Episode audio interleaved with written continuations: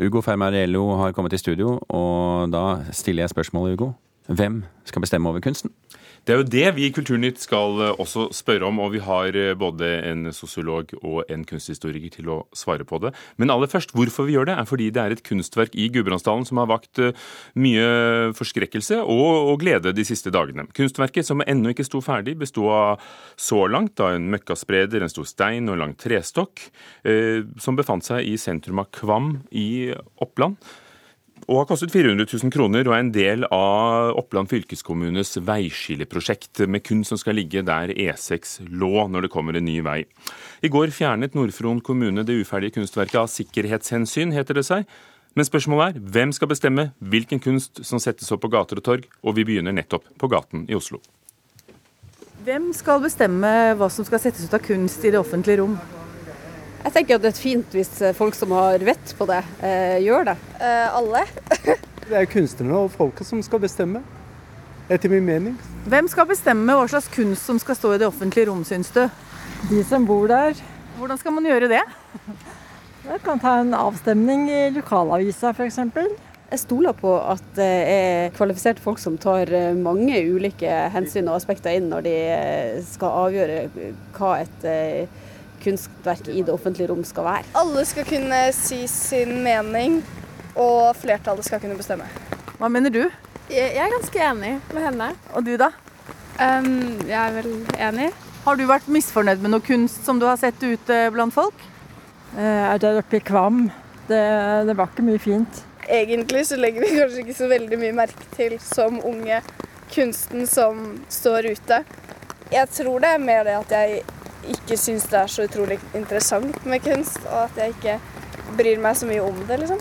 Og det var reporter Marianne Rustad Karlsen som stoppet de forbipasserende, og nå ønsker flere beboere i Kvam å kjøpe kunstverket av kommunen for å sette det opp på privat grunn, melder avisen Dølen.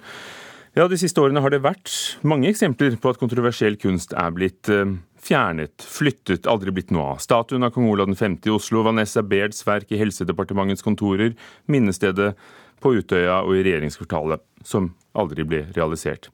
Direktør i Kunst i offentlig rom, KORO, Svein Bjørkås. Hvem skal bestemme når kunst skal ut?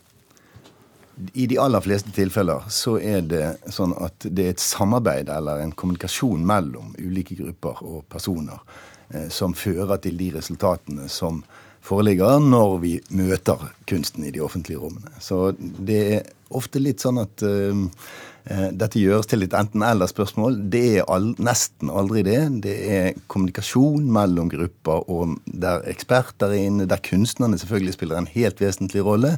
Men der også uh, de som blir berørt direkte og indirekte, som regel er inne i prosessene på den ene eller andre måten.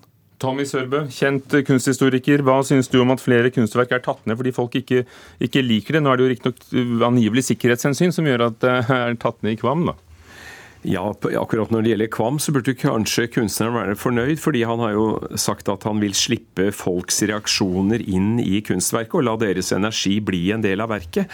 Så han har jo på en måte fått full, scora full pott her, da, ved at eh, det har blitt en oppstandelse rundt det.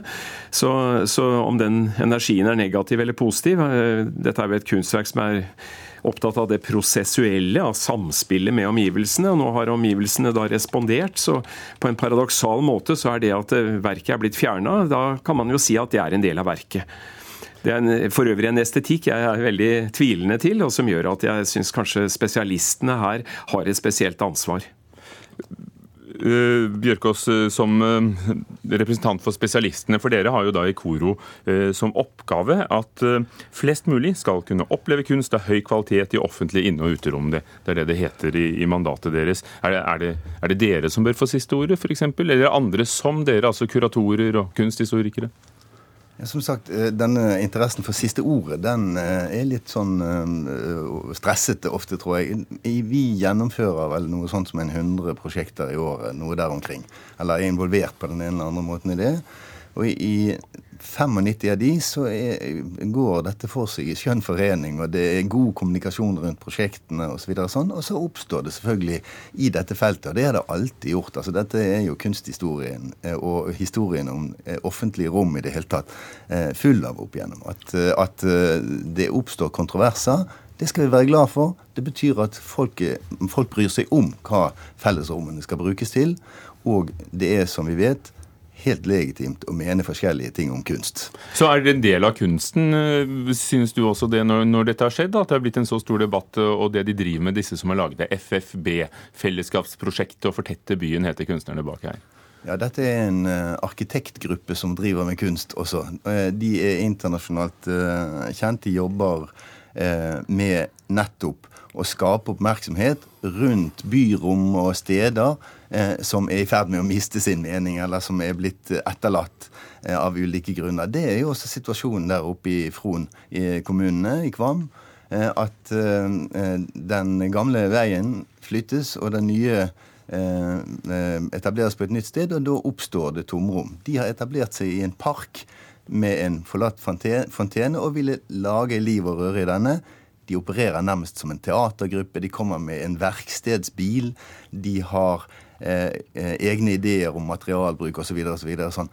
Det vi kanskje kan si som kan være eh, en grunn til å være eh, litt skeptisk til her, er jo at nettopp fordi at det finnes allmenne forventninger om at kunst skal være skjønt og vakkert når det plasseres ut i, i, i, i um, offentlige rom, så er det et stort informasjonsbehov. Og det har kanskje ikke vært tatt alvorlig nok her. Jeg, ja, ehm, eh, For det første til, til Bjørkås. Det er riktig at det, eh, kunst i offentlige rom alltid har skapt debatt. men Fram til for 100 år siden så dreide det seg først og fremst om innholdet, ikke utformingen av verket.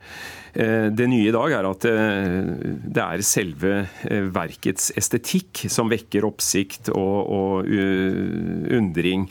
Undring i negativ forstand. Og Når det gjelder dette med informasjonsbehovet, så kan jeg være enig med Bjørkås. For det er klart at verket i seg selv burde jo være det som var informasjonen. Men det som kjennetegner denne typen konseptuell kunst, er jo at det trenger spesialister. Det trenger informasjon. Det trenger forklaringer, beskrivelser og ikke minst det jeg vil kalle bløff. Altså at man Å ja, dette er en internasjonalt kjent gruppe. Disse er store i utlandet. Disse har vunnet masse priser. Dette er kjente personer med lang utdanning. Altså konteksten betyr uendelig mye mer enn selve verket. Hadde dette verket, som jeg syns har preg av sånn Reodor Felgen-estetikk, eh, hvilket jo også er intendert fra kunstnerens side. Hadde det befunnet seg hvor som helst ellers, ville ingen ha sett på det som et verk. Det, det, det, men, men, kan det være Sørbø, at vi som da ikke, ikke har gått rundt eh, fontenen der, ikke får ta en del av, av det teatret som Bjørgås nevnte, av tankegodset rundt, da, som også blir en del av, av det hele? Jo, da, men da, som jeg sier, altså, da må man jo altså da gå inn i dette tankegodset. Da må man eh, prøve å gå inn i denne uferdighetsprosessuelle, konseptuelle estetikken. Eh, og da blir jo i en viss forstand det som blir selve verket. For øvrig et veldig dårlig verk, syns jeg. Eh, jeg har ikke noe imot at tekst også kan være verk, og at samspillet, det finnes det masse eksempler på oppi mange hundre år tilbake. Men da må jo også det bedømmes kvalitetsmessig, og jeg vil si at dette her som kvalitet, både som skuespill, som et konseptuell hendelse er eh, platt og intetsigende og litt flaut, rett og slett. Ja, Det er jo ditt privilegium som kunsthistoriker å felle slike dommer, eh, Svein Bjørkås. Eh, når, når, når, du sier at mange, mange, er med på den samtalen som fører frem til kunstvei, så blir du vel likevel lei deg hvis noe av det dere har vært med på å prosjektere, var enten det var en stor skulptur på Høgskolen i Østfold eh, av Jone Kvie som noen mente så ut som avføring, men som var en stor oransje sky for andre, eller minnestedet ikke blir noe av? Det er helt åpenbart at uh, vi som andre uh, som arbeider med å få frem kunstverk, ønsker at det skal være gode prosesser, at det skal bli forstått osv. Så sånn. Men på den annen side så er vi også klar over at vi er en del av den samtalen som de offentlige rommene består av. så å si. Det, det er jo de samtalene som konstituerer de offentlige rommene og gjør de meningsfulle. Men Har du eksempler på at folk i ettertid da, har, har tenkt at jommen er bra at dette ble noe? Det er veldig ofte sånn at uh, konflikt konfliktfylte kunstprosjekter har kommet til å bli elsket etter noen år. Og altså, dette finnes Tilbake til Munch, f.eks. Munch i aulaen. Det var en kjempekrangel. Den varte i fem år. frontene sto steilt mot hverandre. Det er ingen som ville si at dette er dårlig kunst i dag. Men det ble sagt da. Sørvi, skulle vi noen gang bare gi det tid? Eh, ja, altså det som Svein Bjørkøs nevner der. Eh, for hvert eksempel han trekker frem som et eksempel eh, på at samtiden tok feil, så kunne jeg nevne ti moteksempler. Det finnes uendeligheter med søppelkunst som står altså rett og slett dårlig forsøplende kunstverk som har skapt debatt da de ble plassert der, men som likevel ble plassert, og hvor historien har gitt eh, de som var negative til verket, rett. Eh, jeg bor eh, nå i Porsgrunn, og her har vi et verk av Per Barkley som skapte stor debatt. Som står plassert sentralt i byen. De som var skeptiske til det da det ble plassert opp for noen år siden, sa at det bare kommer til å bli oppfattet som et pissoar, kommer bare til å forfalle. det og, det, og, akkurat det har skjedd. Så det å bruke historien på den måten og si at de var mot de store før, og, og, og historien gir oss til slutt rett, det, det, det er et empirisk spørsmål som, som man må dokumentere bedre. Jeg tror rett og slett ikke på det. Og jeg tror ikke vi får gått inn i hele den dokumentasjonen nå. Men takk skal dere ha. Tommy Sørbø, kunsthistoriker med fra Porsgrunn altså, og eh, direktør i Kunst i offentlig rom Koro, Svein Bjørkås. Og så legger jeg til at, at verket i Nordfron i Kvam uh, uansett var ment å være midlertidig, og så får vi se hvor det ender. Hvordan skal eh, vi alle forholde oss til sjikane og trusler i kommentarfeltene på internett? Norsk redaktørforening har tatt fatt i spørsmålet, og i dag presenterer de en veileder med råd til nettopp redaktørene om hvordan de skal håndtere nettdebatter. Om få minutter begynner et frokostmøte i regi av Redaktørforeningen. Tone Staude, vår reporter, hvem er kommet? Ja, det er ganske mange som er kommet. Jeg har ikke sett noe frokost ennå, men det begynner jo ikke før halv eh, ni heller. Men eh, det er slått opp her hvordan møter vi eh, netthatet på veggen, og det er jo det store spørsmålet. Jørgen eh, Foss, du har opplevd netthatet så å si på kroppen. Fortell. Altså jeg har vært aktiv i samfunnsdebatten siden jeg var tolv år gammel, spesielt i forhold til overvekt og, og fedme. Og Helt siden starten så opplevde jeg å bli sjikanert for hvordan jeg så ut. Jeg måtte oppleve å måtte lese om hvor stygg og ekkel jeg var. Jeg opplevde drapstrusler, fikk beskjed at jeg måtte skytes på åpen gate. Eh, og Én ting er at jeg leser det, men kanskje det verste var jo at sånn som mamma og pappa måtte lese det. Eh, og det gjør noe med en, og det var, det var selvfølgelig vondt. Hva syns du er det viktigste å gripe fatt i hvis man skal få bukt med det, da? Jeg tror at det er viktig at uh, redaksjonene tar et ansvar og fjerner hatet. Og at man har et bevisst forhold til alt fra innlegg som kommer under nettaviser, til hva som skrives på Facebook, og ikke minst at folk sier ifra at det er ikke greit. Det er ikke greit uh, å sjikanere folk for hvordan de ser ut, eller hvordan de er, eller hva de mener. Jeg er opptatt av en aktiv samfunnsdebatt hvor folk, og det kan godt være røff og tøff, men det må være innenfor noen spilleregler. Det må være innenfor noen samfunnsmessige regler som vi setter oss. Uh, og da er bl.a. rasisme og hat en ting som ikke debatten er tjent med. Det er eh, mange innenfor presse og media som er eh, samlet her. Og Cornelia Kristiansen i Dagbladet, du er altså ansvarlig for eh, sosiale medier. og Dere tar bare debatten på Facebook. Hva er de største problemene sånn i din hverdag? Eh, ja, på sett og vis. Akkurat på Facebook så er det jo et slags problem at eh, de mest polariserte debattene får størst spredning. For det ligger jo inne i algoritmene. sånn at eh, de gode debattene blir ikke nødvendigvis spredd til like mange. Og ja, og så er det jo kommer det an på liksom hvem som ser seg best tjent med å delta i nettdebatten. Uh, moren min f.eks. sier at hun holder seg unna politikkdiskusjoner på nett. Mens uh, folk som da Det finnes jo en del folk som mener at Dagbladet er en venstrevridd propagandablekke, og at, uh, og at vi må motsies hver dag, og i hvert fall alle de vi såkalt skyver foran oss. Eh, selv om vi beviselig har, eh, har, folk fra alle sider som eh, snakker i debattene våre, men som da på en måte blir veldig iherdige på å følge etter det vi gjør. da. På det mer sånn, ja. Hva er det viktigste vi kan gjøre for å få bukt med det? da? Nei, altså Jeg er helt enig i at vi må ta et ansvar, og det gjør vi også. Vi, vi, vi tar jo Men vi må hele tiden på en måte balansere ytringsfrihet og, høy, og takhøyde med på en måte personvern ja, eh, hat, altså hets, at vi ikke bidrar til hets osv. Så, videre.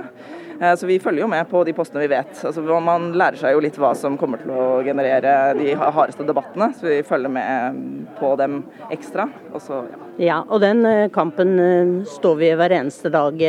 Vi takker for oss, vi er her fra frokostmøtet om netthat. I regi altså av Norsk redaktørforening, der vår reporter Tone Staude var på plass her i Nyhetsmorgen. Klokken er straks halv ni. Birger Kåsrud Aasund. Ja, Vi skal fortsette med dramatikk i Nyhetsmorgen etter Dagsnytt nå. Fortellingen om Kjostolv Moland og Joshua French er besettende lesing. Like skjebnetung som en gresk tragedie. Det skriver forlaget Kagge om sin nye bok 'Dømt til døden i Kongo'. Forfatter Fredrik Gressvik han sitter utenfor mitt studio nå og skal inn her om ikke så lenge for å snakke om boka. Skal ha litt egen reklame, og så Dagsnytt før den tid.